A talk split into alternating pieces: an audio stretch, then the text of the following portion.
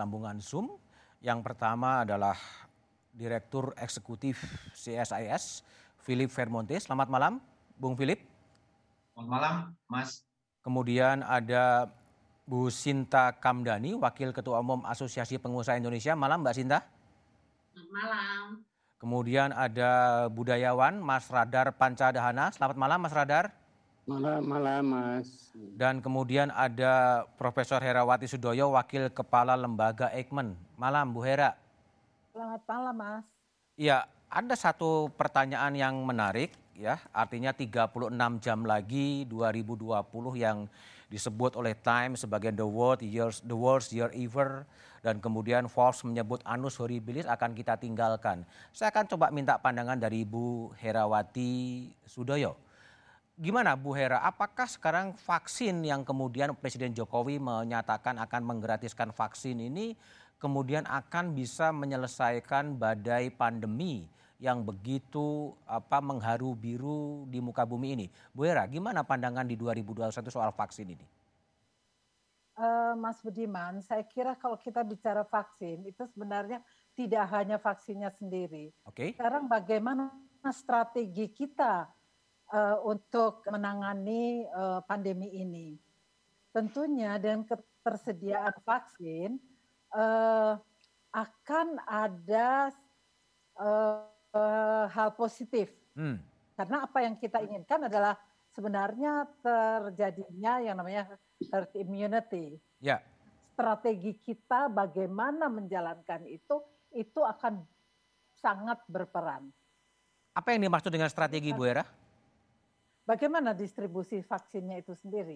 Okay. Apa pemilihan vaksin yang ada? Hmm? Bagaimana? Apakah kita hanya memiliki vaksin atau kita memiliki beberapa vaksin? Hmm? Dan bagaimana itu sampai ke perifer, hmm. sampai ke tempat-tempat pelayanan primer? Itu adalah sesuatu yang sangat besar karena paling tidak kita itu kalau mau dalam selesai dalam waktu 100 hari misalnya, itu kita perlu melakukan kurang lebih 400 ribu. 400 ribu? Penyuntikan vaksin per hari. 400 ribu penyuntikan per hari? Ya. Itu mungkin dikerjakan dalam sistem yang ada sekarang? Tidak mungkin, karena memang tidak tersedia sebenarnya. Hmm. Dan kita tidak siap untuk itu. Terlalu sedikit tenaga kesehatan yang bisa berperan di situ dan hmm. terlalu sedikit juru imunisasi. Hmm. Artinya bagaimana publik bangsa Indonesia harus menyikapi uh, vaksin sebagai game changer yang katakanlah ini bisa mengontrol dan mengatasi pandemi COVID-19? Kalau dari sisi kesehatan kita tidak akan lepas dari uh, eh, 3M. Oke. Okay. Jadi kehidupan kita memang berubah, tetapi saya pikir bahwa sesuatu yang kita jalankan tiap hari itu akan menjadi perilaku yang memang uh, membuat budaya kita berbeda. Hmm? Budaya untuk misalnya menjalankan tadi protokol kesehatan hmm. dengan baik. Sudah tidak dipikirkan lagi bahwa kita itu harus mencuci tangan, harus menggunakan masker. Okay. Semua itu sudah menjadi sesuatu yang uh, datang dari dalam.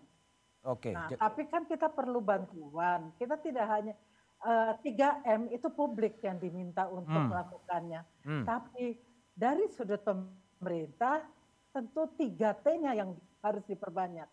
Dan itu masih lemah? Menurut saya masih belum optimal. Oke, baik. Saya ke Bung Radar Pancadana, Mas Radar. Jadi eh, sekarang ini kan seakan-akan ada optimisme publik dengan Presiden Jokowi berpidato bahwa vaksin itu kemudian gratis, ya, gratis dan seakan-akan ini menjadi menjadi sebuah harapan baru. Kalau dari sisi sudut pandang budaya dan perilaku masyarakat, apakah memang kemudian kehadiran vaksin ini memang mengharuskan kita kemudian menjadi optimis, bersikap optimis menghadapi 2021, Bung Radar? Ya, keputusan Jokowi ya tentang vaksin menggratiskan dan yang lain-lain ya tentu saja disambut dengan sangat baik oleh masyarakat. Tapi kan masyarakat tidak tahu kompleksitas yang ada di hmm. dalam persoalan itu. Nah, yang tahu itu ya orang-orang tertentu atau orang-orang yang berkaitan dengan kebijakan-kebijakan itu. Nah, itu nanti saya kira akan terjadi semacam ke kerisuhan lah, kekisruhan gitu. Kekisruhan. Iya, di antara apa namanya penduduk itu siapa yang dapat duluan, siapa yang nggak dapat, hmm. harus beli atau harus nyalok di mana, apa yang ini pasti akan terjadi karena hmm. waktu yang tersedia sangat pendek. Tapi yang paling penting dari situ adalah bagaimana kita menyikapi hal tersebut, vaksin, vaksin itu. Karena kita semua merasa bahwa seolah-olah vaksin itu menjadi apa the trouble solution. Jadi oh jadi apa? Jadi pamungkas nih dari hmm. semua persoalan kita. Padahal kenyataannya kan tidak. Dan kita tidak siap dengan itu. Tidak siap adanya hal yang ada tadi di apa di balik persoalan-persoalan tadi itu. Artinya yang kita sebut dengan lorong cahaya itu bagi saya itu masih berupa lorong, cahayanya belum ada. Belum ada cahaya? Iya, belum ada Kenapa cahaya. sampai ber, bisa berkesimpulan gitu Mas Radar? Ya karena kita belum belum bisa apa namanya eh, menyalakan obornya atau menyalakan listriknya supaya cahaya itu bisa terang gitu. Yang punya tanggung jawab menyalakan obor siapa? Ya itu orang-orang yang ada di pemerintahan itu. Hmm? Karena mereka masih banyak silang singkrut gitu loh di dalam persoalan hmm. apa vaksin ini. Nanti lihat saja kan. Untuk urusan bansos aja itu udah kita repot hmm. luar biasa kan. Nanti hmm. nanti pasti juga kan ada masalah seperti itu, ada korupsi juga di baliknya, dan akan banyak sekali orang-orang yang tidak menerima ya vaksin-vaksin itu dengan baik. Jadi arahnya kita harus yang penting itu adalah menyikapinya dengan siksa apa dengan dengan bijaksana lah. Oke. Okay. Publik pada secara keseluruhan bahwa itu baru upaya pemerintah. Hmm? Upaya pemerintah itu berhasil lebih tidak, kita juga tidak tahu.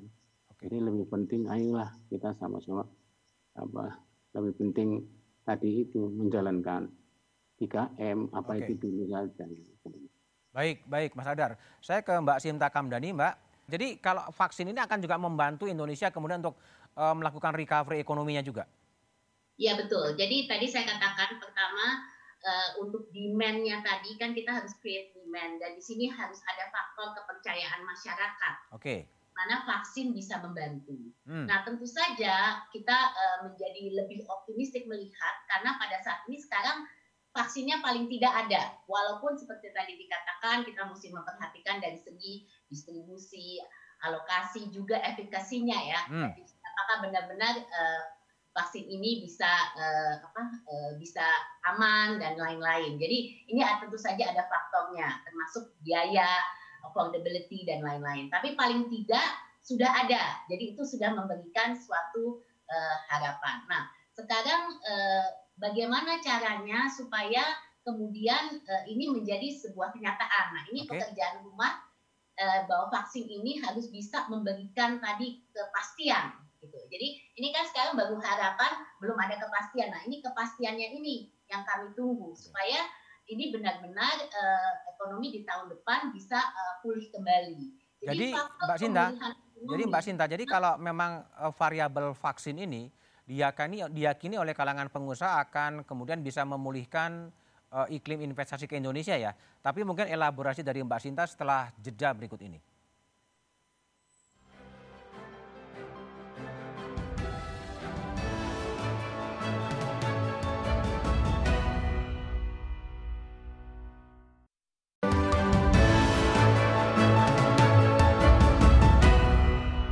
kembali ke Sinta Kamdani. Mbak, jadi vaksin sudah dinyatakan oleh Presiden gratis dan itu diyakini oleh kalangan pengusaha ini akan memperbaiki iklim investasi di Indonesia, Mbak.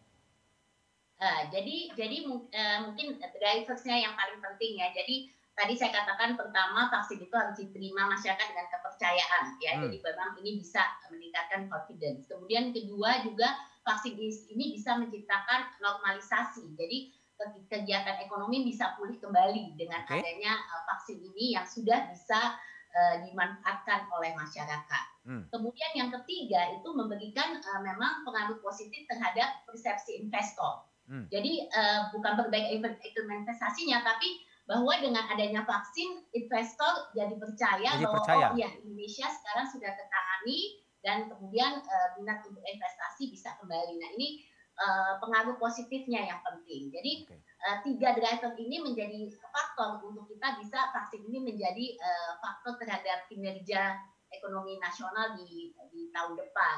Tapi yang tadi seperti dikatakan memang kita harus memperhatikan yang hal-hal yang jadi harus ada walaupun ini kita mau cepat tapi juga harus ada hati-hati ya, hati-hatian karena kan tadi dikatakan mengenai distribusinya, mengenai pemanfaatannya. Ini semua e, banyak e, pertanyaan mengenai bagaimana nantinya apa nanti bisa jadi moral hazard dan lain-lain. Nah, ini yang harus menjadi perhatian bagaimana pemerintah bisa meminimais kondisi-kondisi ini supaya benar-benar bisa efektif dan kalau kita lihat sekarang kan jenis vaksin juga bermacam-macam. Bermacam-macam. Jadi Mbak dalam Sita, jadi kalau ya. sekarang vaksin satu variabel ya, kemudian dari sisi legislasi pemerintah juga sudah menggolkan undang-undang omnibus law soal cipta kerja. Nah, apa sih harapan dari kalangan pengusaha agar kemudian recovery ekonomi itu bisa segera bisa segera terjadi karena prediksi kan juga eh, apa di tahun depan ya masih mentok di angka tiga persen mungkin yang akan terjadi. Gimana yang diharapkan yang disarankan oleh eh, dunia usaha seperti apa? Iya, jadi harapan kami tadi satu vaksin, vaksin game changer kedua dari segi RUU Ciptaker, karena RUU Ciptaker ini kan memberikan reformasi struktural yang sudah sangat hmm. diharapkan ya untuk bisa perbaikan iklim investasi, jadi sehingga menarik investasi dan juga menciptakan lapangan pekerjaan. Nah, kami melihat bahwa betapa besar pengaruhnya tahun ini tentu saja uh, kepada pelaku usaha, kepada banyaknya juga uh, apa uh, pengaruh kepada tenaga tenaga uh, tenaga kerja ya. Jadi di tahun depan harapan kami kalau ekonomi ini bisa pulih kembali, recovery-nya bisa lebih cepat, nah tentu saja akan membantu dari segi hal-hal yang uh, penciptaan lapangan pekerjaan yang kita harapkan juga. Hmm. Nah ini semua kembali lagi kepada uh, tadi jadi faktor bahwa um, bagaimanapun juga drivernya tadi itu mesti bisa jalan gitu. Hmm. Nah, RUU Ciptaker ini juga kita mesti lihat dari segi implementasinya karena sekarang seperti diketahui kita masih pemerintah dalam proses untuk mempersiapkan semua peraturan pelaksanaannya. Yang belum Jadi, selesai. Jadi pastikan bahwa itu nanti benar-benar sudah sesuai dengan inline dengan uh, apa uh, undang-undangnya dan ini bisa diimplementasikan. Jadi kata kunci daripada kita ke itu juga ada di implementasi. Hmm. Makanya tadi saya katakan ini semua memberikan harapan besar dan optimisme, tapi belum ada kepastiannya. Nah, yang kita harus yakini gimana nih kepastiannya ini bisa ada. Oke, baik, Bung Philips. Jadi kalau ya. Bung Philip overall melihat ya tren uh, vaksin sudah tersedia dengan gratis, lalu kemudian dari sisi undang regulasi pemangkasan birokrasi sudah terjadi anda punya catatan kritis nggak untuk 2020 sebenarnya pemerintah ini harus ngapain lagi untuk mengelola apa mengatasi pandemi dan kemudian memperbaiki ekonomi yang betul-betul terpuruk? Ya, uh, karena disuruh memberi catatan kritis, jadi saya mengambil uh, uh, apa namanya tema-tema uh, yang terkait dengan catatan-catatan yang mungkin perlu hmm. kita perhatikan ya. Tadi satu hal uh, dari Ibu Herawati mungkin kita harus melihat ini uh, vaksin bahwa ada semacam time lag, ada proses yang harus dilalui ketika vaksin ini nanti bisa available untuk semua dan memenuhi harapan yang tadi disampaikan oleh Ibu Sinta.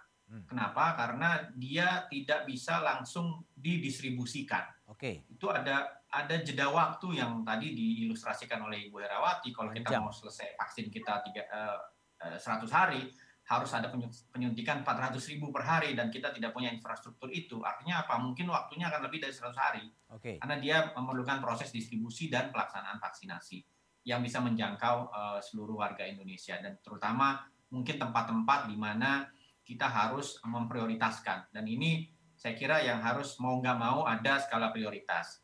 Karena memang harapan kita semua orang akan divaksinasi, tetapi karena availability-nya belum tersedia semua untuk 250 juta rakyat Indonesia, tentunya harus ada prioritisasi yang harus dikomunikasikan dengan baik pada masyarakat. Karena nanti menimbulkan persepsi yang tadi disampaikan oleh uh, Mas Radar gitu.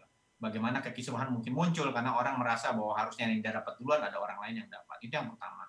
Yang kedua mungkin dari sisi uh, ekonomi kalau ternyata kita narasinya adalah bahwa vaksin ini adalah solusi akhir yang hmm. sudah ada di depan mata kita yang dikhawatirkan adalah kemudian kita melonggarkan semua hal hmm. yang menjaga selama ini Soal agar uh, aspek kesehatan ini uh, vaksin apa COVID-19-nya tidak ter, tidak tersebar demikian luasnya gitu. Justru malah kita lihat beberapa waktu terakhir angka kasus baru kita uh, tinggi Meningkat. lagi.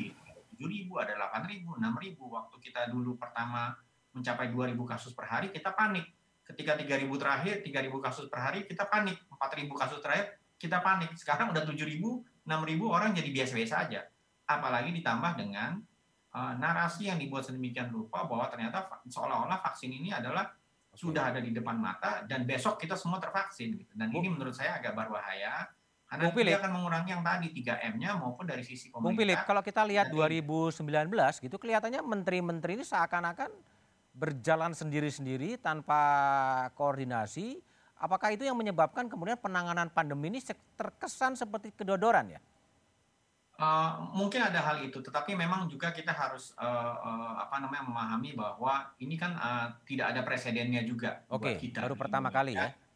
Skala baru pertama kali dan skala dan magnitudnya demikian luas hmm. sehingga mungkin wajar misalnya dari sisi aturan kita tidak punya, dari sisi ya. infrastruktur kesehatan kita tidak punya, sehingga memang uh, uh, terlihat bahwa uh, terlihat tidak tidak terkoordinasi. Hmm. Tetapi uh, menurut saya yang paling penting sekarang adalah bahwa uh, ketika tahun 2020 ini sudah akan kita lewati, mungkin tahun yang terburuk mudah-mudahan tahun, tahun depan harusnya lebih jauh baik. lebih baik uh, dengan dengan harapan baru vaksin ini dan juga di seluruh dunia mungkin muncul harapan sehingga hmm. agak sedikit bisa bernafas walaupun soalnya adalah pemulihan ekonomi itu akan tetap berat saya rasa tahun 2021 tetapi paling tidak uh, seluruh dunia sekarang punya satu pegangan bahwa mungkin akan ada uh, vaksin ini dan mereka mulai bisa memikirkan hal-hal lain terkait dengan pemulihan ekonomi uh, dan juga termasuk di Indonesia gitu. Okay. Kalau misalnya tahun 2021 ini kita bisa menyelenggarakan vaksinasi yang mengcover mayoritas rakyat Indonesia lah dengan skala prioritisasi tadi dan juga kemudian uh, kita menyiapkan aspek kesehatan itu menurut saya tidak boleh dilonggarkan karena apa?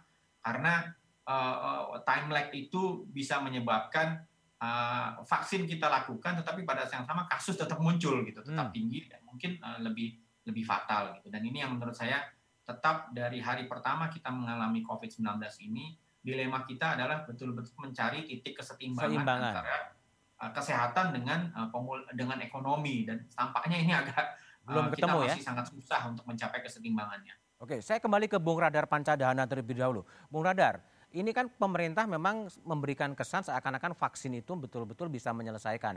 Tapi kalau lihat kita lihat berbagai survei, termasuk survei yang dilakukan oleh Litbang Kompas, itu juga masih ada keraguan-raguan loh. Belum sepenuhnya dari warga masyarakat bersedia untuk divaksin. Nah, menurut Bung Radar ini kesalahannya di mana? Kesalahan pada proses pemahaman masyarakat yang memang belum belum sampai atau memang kesalahan dari proses komunikasi yang sebenarnya belum cukup baik sebetulnya? Ya sebenarnya dua-duanya. Dua-duanya itu, itu juga apa beramal, berawal dari pemerintah itu sendiri. Hmm? Berawal dari pemerintah itu sendiri. Jadi ketegasan dan yang lain-lain itu kan menjadi ciri uh, pemerintahan kita sekarang ini kurang tegas, kurang apa, lembam, kurang kuat, kurang tough apa gitu. Kelihatannya seperti itu, tetapi kita lihat dalam implementasinya itu banyak sekali bukan hanya keraguan-raguan ya banyak sekali tiba-tiba apa kebijakan-kebijakan yang tumpang tindih gitu hmm. yang membuat masyarakat menjadi bingung ya keraguan itu yang harusnya bisa diberantas ya atau dilemahkan gitu jadi kita minta minta sekali kepada pemerintah itu dalam seluruh aparatus aparatus itu bisa apa berjalan dengan baik semuanya itu. Hmm. Apalagi jangan punya ada ada intensi itu untuk melihat atau melakukan sesuatu yang sifatnya negatif yang koruptif, yang apa itu. Okay. Karena ini sudah menjadi ya, nasib untuk bangsa kita masa depan itu. Jadi kami mem memaksakan masyarakat seperti itu, ya, tidak adanya, tidak terjadi apa kekacauan sampai ke korupsi dan yang itu memang sangat sulit gitu. Karena penanganannya juga sangat lambat gitu. Okay. Jadi mak maksud saya tetap harus ada kebijakan baik dari pemerintah maupun apa masyarakat sendiri.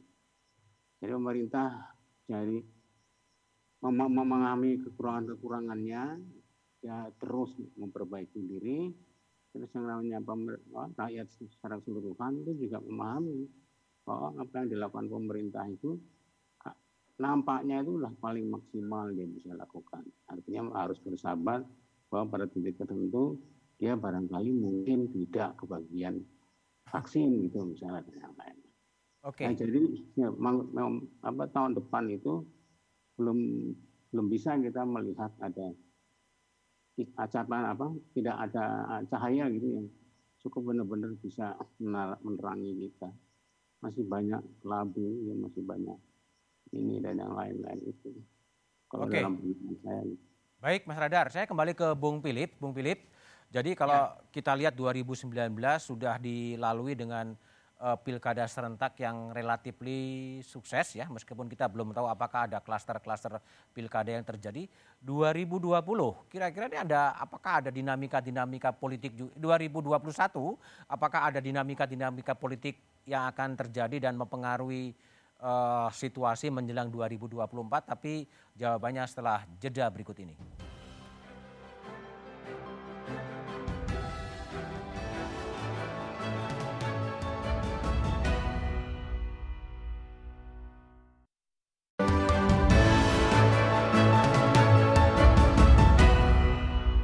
Saya kembali kepada Bung Philip Vermonte, Bung Philips.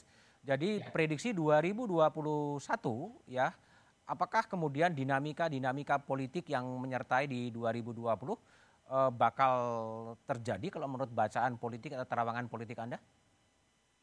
Uh, jadi begini uh, Mas uh, Budiman, menurut saya satu hal yang kita sadari bahwa tahun 2024 itu kan tidak ada incumbent karena uh, Pak Jokowi secara konstitusional uh, tidak bisa mencalonkan diri lagi. Sehingga tahun 2021 menjadi penting karena apa? Karena akan ada pembahasan undang-undang terkait dengan pemilu. Hmm. Sehingga di situ uh, mungkin akan ada perdebatan-perdebatan yang sangat keras uh, dari partai-partai politik atau orang-orang yang punya uh, aspirasi misalnya ingin mencalonkan diri tahun 2024. Sehingga perdebatan-perdebatan uh, mengenai aturan-aturan pemilu yang akan dipakai tahun 2024 itu memang uh, dijadwalkan akan dibahas uh, di 2021 dan itu menjadi uh, penting juga gitu aspirasi masyarakat uh, sipil itu penting untuk didengar aspirasi masyarakat politik tentu saja juga harus didengar gitu dan agar dia kita menghasilkan dan melanjutkan demokrasi kita tahun 2024. Hmm.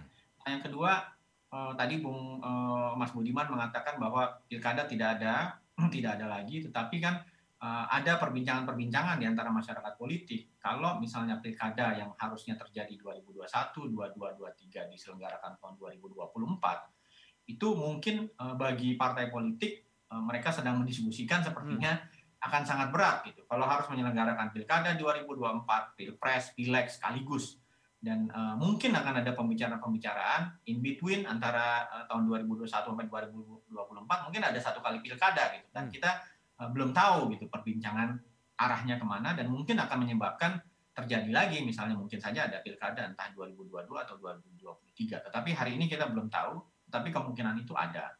Dan ini menurut saya juga harus diperhatikan. Yang ketiga mungkin situasi global kita situasi geopolitik juga penting untuk kita apa namanya kita amati gitu ya. Hmm. Nah, kita tahu Amerika Serikat ada presiden baru nanti tanggal 20 Januari Joe Biden tetapi dari sisi perseteruan antara Amerika dengan Cina tampaknya juga tidak akan terlalu menurun karena isu mengenai Cina di Amerika itu isu yang uh, bipartisan gitu.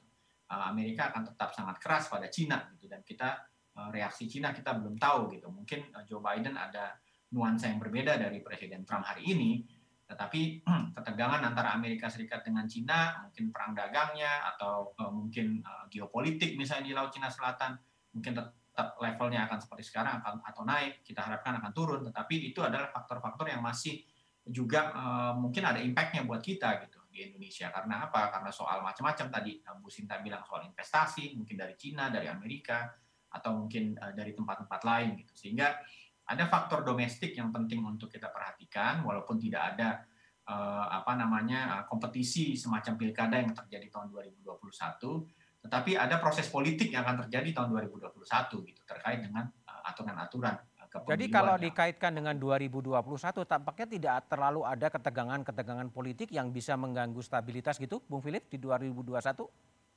Uh, mudah-mudahan nggak ada gitu ya, hmm. tetapi mungkin datangnya dari bukan masyarakat uh, politik formal gitu, mungkin nggak di DPR atau tidak di, di di istana misalnya, tapi kita tahu hari ini uh, keributan politik kita terjadi di luar parlemen, gitu ya. Misalnya uh, apa yang sedang terjadi sekarang, politik yang kembali ke jalan, gitu ya, uh, mengkomplik uh, demonstrasi di jalan, uh, unjuk rasa di jalan, dan uh, jadi komplik jadi, jadi berkomplikasi dengan COVID-19 gitu. Dan okay, okay. kalau ini tetap berlanjut sampai tahun 2021, tentu uh, agak buruk gitu buat buat kita gitu dari sisi kesehatan bahkan dari sisi politik. Kalau politik dilarikannya ke jalan lagi gitu ke aktor-aktor non formal gitu. Dan, uh, tapi koalisi kita, koalisi pemerintahan akan tetap solid di 2021 kira-kira meskipun ada pembahasan undang-undang politik ya. Saya rasa kalau 2021 masih memang ada kecenderungan umum di seluruh dunia ya, hmm? di mana uh, terjadi pemberlakuan konstitusional masa jabatan presiden, uh, apa misalnya yang dua periode gitu ya, dan pada periode kedua biasanya masa efektif dari presiden yang sedang menjalani Jalan. periode kedua mungkin hanya tiga tahun, tahun misalnya. Tiga tahun. Uh, ya tiga tahun mungkin. Setelah itu partai-partai sudah akan berkonsentrasi pada pemilihan berikutnya gitu. Nah yang dikhawatirkan kan loyalitas akan hilang, shift dari presiden ke partainya masing-masing lagi gitu. Hmm. Tetapi mengingat 2021 ini baru tahun uh, jalan mau ke tahun ketiga, saya rasa justru uh, uh, peluang besar dari uh, Presiden Jokowi untuk justru semakin uh, mempercepat dan uh, um, apa namanya menjalankan program-program terutama menyelesaikan COVID-19 dan juga pemulihan ekonomi mungkin justru peluang emasnya ada di tahun 2021 gitu. Okay. Karena kita baru saja selesai proses pilkada dan juga mudah-mudahan dengan vaksin dan lain-lain yang akan terdistribusi tahun 2021 ada situasi yang lebih kondusif gitu dari uh, Presiden Jokowi untuk bisa menjalankan program-programnya dan menghasilkan legacy nanti yang akan di, uh, dinikmati oleh seluruh warga Indonesia. Bung Philip, ada tidak. satu pertanyaan juga ini isu liar yang kemudian bergerak di berbagai media kemungkinan amandemen konstitusi yang mengamandir soal masa jabatan presiden menjadi 8 tahun di periode kedua atau menjadi tiga kali. Itu terbuka kemungkinan diwacanakan di 2021? Karena ada pembahasan tentang undang-undang apa namanya kepemiluan dan kepartaian dan lain-lain eh, dari sisi probabilitas mungkin saja gitu tetapi hmm. apakah itu sesuatu yang dibutuhkan oleh Indonesia menurut okay. saya dia akan menjadi perdebatan yang lebih keras okay. karena apa karena berarti itu akan perlu mengamandemen mengamandemen konstitusi okay. sementara kita tahu kalau peluang konstitusi di amandemen dibuka akan banyak sekali masuk okay. namanya soal-soal lain yang mungkin justru menambah kegaduhan gitu dan okay. justru menambah kompleksitas politik kita gitu. Okay. Uh, kita sudah belajar misalnya dari omnibus law yang semua hal bisa masuk dan kemudian reaksinya jadi agak menyulitkan dari tujuan utamanya gitu tentang penciptaan tenaga kerja dan investasi. Oke, kembali ke Bu ke Bu Simta. Bu Sinta. Jadi kalau analisisnya Mas Philip kan relatif kemudian politiknya menjadi lebih stabil ya meskipun ada gejolak pembahasan eh, undang-undang uh, soal pemilu apa sih yang menjadi kekhawatiran dari dunia usaha di 2021 yang betul-betul harus diperhatikan oleh pemerintah sebetulnya? Ya, jelas uh, nomor satu pengendalian COVID-nya sendiri okay. itu udah nomor itu udah uh, hmm. udah no, nggak usah dijelaskan ya jelas ya. itu kalau nggak ada pengendalian di 2021 yang lainnya akan pastinya okay. akan sangat berdampak. COVID nah, terus? Uh, kedua jelas stabilitas politik jadi stabilitas politik. disampaikan oleh Mas Philip memang uh, kelihatannya lebih lebih stabil karena tidak ada pilkada dan lain-lain. Tapi ini harus benar-benar uh, fleksi. Hmm. Karena bagaimanapun juga kalau politik ke jalan, demonstrasi itu semua pasti ada uh, impact-nya kepada investor. Jadi stabilitas politik juga sangat penting. Yang ketiga adalah eh, kalau kita lihat dari pemulihan ekonomi di 2021, kita juga mesti melihat kami masih sangat membutuhkan stimulus-stimulus yang harus diberikan oleh pemerintah. Hmm. Nah, makanya kami kami terus memberikan masukan bahwa ini ini jangan dikendorkan hanya karena kelihatan sudah mulai pulih gitu. Justru di 2021 pada saat kita mau genjot, ini kita harus punya insentif dan uh, stimulus yang memadai. Oke. Okay. Dan yang keempat, mungkin yang penting adalah pekerjaan-pekerjaan rumah kita tadi. Ya, jadi kita ini kan uh, Indonesia pada akhirnya kalau kita tadi mau menarik investasi segala macam itu kan hubungannya dengan daya saing dan competitiveness daripada Indonesia sendiri. Nah ini banyak sekali pekerjaan rumah yang harus diselesaikan. Kita ada high cost ekonomi, kita ada uh, beban daripada uh, cost-cost dasar yang mungkin tidak kompetitif dibandingkan negara lain. Ini semua harus uh, kita jelas kita perhatikan karena pada akhirnya semua negara itu akan melakukan yang sama. Okay. Pada proses pemulihan, mereka menarik sebanyak-banyaknya juga investasi. Jadi ini kita semua uh, harus menjadi perhatian bahwa bagaimana Indonesia bisa terus berdaya saing dan berkompetitif. Okay. Dan ini yang uh, pekerjaan rumah yang selama ini mungkin uh, apa perlu kita pastikan ini untuk untuk bisa diperbaiki ini menjadi kunci utama supaya kita bisa uh, di 2021 ekonominya menjadi jauh lebih baik. Oke, baik. Saya ke Bu Hera. Bu Hera, jadi Prof, jadi, uh, Prof Hera, jadi kalau menurut prediksinya Mas Philip memang politiknya relatif lebih stabil dan kemudian harapannya ini bisa berdampak pada ekonomi. Kalau Bu Hera melihat di 2019 sebenarnya apa sih yang perlu dibenahi oleh pem, sorry di, di, di 2020 terjadi banyak kedodoran, 2021 apa yang perlu dibenahi oleh oleh pemerintah Bu Hera? bahwa persoalan itu tidak bisa diselesaikan sendiri. Jadi kan kita punya yang namanya pentahelix, hmm. bahwa ada selalu kolaborasi antara pemerintah, eh, sektor bisnis, akademisi, publik, dan media tadi. Nah, kita melihat bahwa sebenarnya komunikasi publik itu akuilah bahwa memang buruk sekali. Komunikasi risiko pun demikian. Okay. Jadi bagaimana ada ada apa ya? Ada penyangkalan-penyangkalan terhadap rekomendasi uh, dari sisi ilmu, hmm. gitu. Nah, bagaimana kalau kita untuk tahun ke depan ini semuanya jadi tidak ada institusi pemerintah yang memberikan perbedaan narasi. Semua hmm. menjadi satu, menjadi kompak. Karena apa? Karena publik itu bingung sebenarnya. Publik bingung? Ya, betul. Hmm. Masyarakat luas bingung karena adanya perbedaan-perbedaan eh, ketentuan maupun informasi yang diberikan yang eh, satu sama lain sering kali ikut berbeda-beda. Okay. Nah, saya pikir kita kan sekarang sudah mulai penanganannya itu abilah semua sudah mulai mengerti apa yang harus dilakukan. Berarti bahwa kita ke depannya justru memperbaiki yang kemarin-kemarin okay. sudah di, di salah semuanya gitu. Jadi satu PR-nya adalah pembenahan pada komunikasi publik ya, Bu Hera ya? Ya. ya. Kalau Mas Radar punya catatan 2020 apa yang perlu dibenahin selain komunikasi publiknya pemerintah?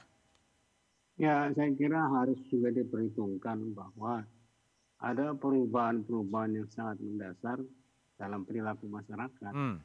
Bagaimana perilaku masyarakat itu mengantisipasi atau merespon persoalan-persoalan baru dalam kehidupan kita. Itu sebenarnya tidak ada tolok ukurnya dan pemerintahan tidak punya itu indikator-indikator yang menunjukkan ada perubahan atau tidak. Karena padahal sebenarnya dalam dalam kenyataannya perubahan-perubahan itu terjadi. Oke. Okay. Bahkan secara keras itu. Hmm. Ya, kalau misalnya mau dicari contohnya banyak sekali. Gitu. Okay. Jadi artinya ada persoalan-persoalan yang terpendam di bawah persoalan kesehatan, ekonomi yang selama ini menjadi apa topik utama.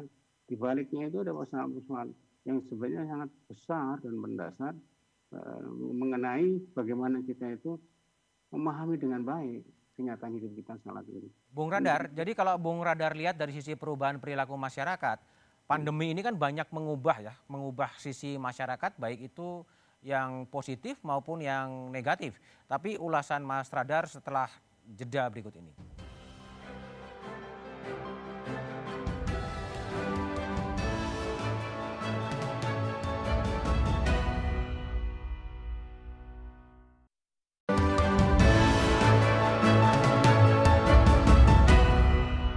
Saya kembali ke Mas Radar Pancadahana. Sehingga kalau kita lihat pandemi memang eh, sikap-sikap positif bangsa Indonesia dengan gotong royong, solidaritas sosial kemudian juga muncul. Tapi dampak-dampak yang juga negatif juga muncul. Kalau menurut penilaian Mas Radar dari sisi budaya apa sebenarnya yang, yang, yang berubah di masyarakat kita dengan pandemi hampir 9 bulan atau 10 bulan ini? Yang sebenarnya perubahan itu banyak sekali dan itu tidak pernah terindikasi. Orang nggak bisa melihat karena itu berada di bawah permukaan. Karena yang muncul atau yang ke atas itu adalah hal-hal yang sifatnya apa? Ya, sifat-sifatnya populer atau yang lain-lain. Nah apa yang terpendam di dalam kehidupan masyarakat itu selama itu selama ini selalu menjadi laten. Dan laten itu menjadi bahaya. Ya kalau misalnya kita lihat pertikaian-pertikaian di antara galang golongan sampai sampai hari ini itu menciptakan stigma-stigma tertentu, penyakit-penyakit tertentu dari masyarakat hmm. yang kita tidak tahu bagaimana mengatasinya, mengatasinya. Gitu. Artinya kita tidak tahu kita itu yang masa para pengambil kebijakan, pemerintah atau presiden kurang paham juga bagaimana mengatasi hal-hal tersebut. Okay. Gitu. Nah di dalam apa outlook outlook ini hmm. ya, kita harusnya bisa mendapatkan satu pencerahan baru ya dari pemerintah pusat, dari kepala negara gitu. Bagaimana kita bisa menangkal itu semua? Oke. Okay. Ya, dalam, dalam bentuk imbauan, dalam pernyataan, dalam bentuk tindakan, dalam bentuk kebijakan yang akhirnya memberitahu kepada masyarakat bahwa sementaranya kita ini semua harus apa berubah. Kalau nggak berubah okay. sekali, ya baik. selesai. Gitu. Baik, baik, Mas Radar. Mbak Sinta Kamdani, jadi uh, kalau dari sisi ekonomi, Kira-kira apa yang kemudian akan menjadi perubahan perilaku kan kelihatan digital ekonomi kemudian e, meningkat dengan pesat, tapi ekonomi-ekonomi yang tidak bisa menyesuaikan kemudian juga akan akan akan akan kemudian e, tidak bisa akan akan selesai juga. Kira-kira gimana prediksi dari e, Apindo dari Mbak Sita Kamdani soal 2021? Jadi memang pertama kalau kita lihat teknologi akan sangat berperan dan itu tidak hanya adaptasi terhadap teknologi, tapi juga riset dan inovasi ini akan hmm. akan menjadi perhatian penuh karena uh, ke depan uh, uh, post COVID ini akan menjadi sangat penting. Kita melihat juga uh, concern terhadap uh, sustainability uh, yang namanya green business lebih masuk ke ekonomi itu juga hmm. menjadi uh, uh, kunci ke depannya dan itu akan menjadi lebih banyak perhatian terhadap climate change, environment dan lain-lain. Itu saya rasa juga menjadi penting. Ketiga adalah human capital development. Ini yang menjadi kunci utama buat Indonesia karena bagaimanapun juga kita ini uh, ada demografi bonus. Okay. Dan untuk bonus tidak menjadi liability, pekerjaan rumah kita untuk bisa menyelesaikan pengembangan daripada human resource kita ini juga sumber daya kita ini sangat penting. Training, okay. upskilling, scaling, kemudian link and match yang lebih baik, ini semua semua adalah jadi human capital development kunci. Dan yang uh, keempat adalah industrialisasi. Hmm. Saya rasa kita sekarang sudah harus uh, memperhatikan bagaimana Indonesia bisa menjadi bagian dari supply uh, apa supply chain ya, jadi global supply chain. Ini sangat-sangat kunci ke depannya.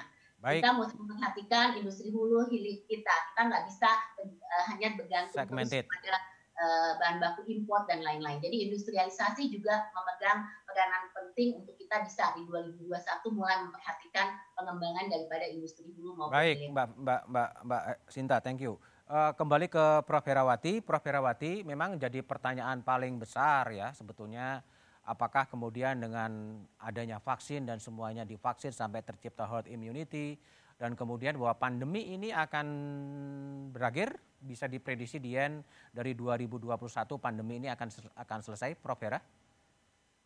Uh, saya kira itu semua uh, tergantung pada sekali lagi bagaimana kita menangani dan bagaimana publik merespon. Hmm. Seperti tadi dikatakan, vaksin memang akan memberikan uh, gambaran yang cerah, tetapi sekali lagi bahwa kita itu harus tetap menjalankan tadi protokol kesehatan. Okay. Karena kita sebenarnya belum mengetahui karakter dari virus ini. Hmm. Tiap hari selalu ada informasi Berubah. baru. Kemarin baru ada mutasi dan sebagainya.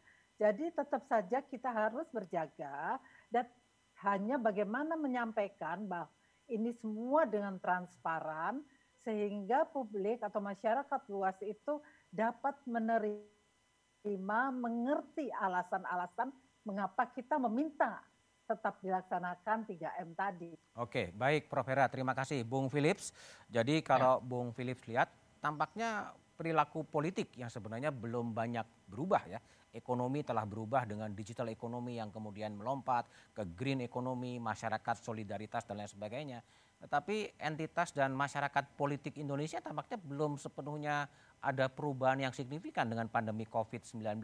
Gimana prediksi di 2021?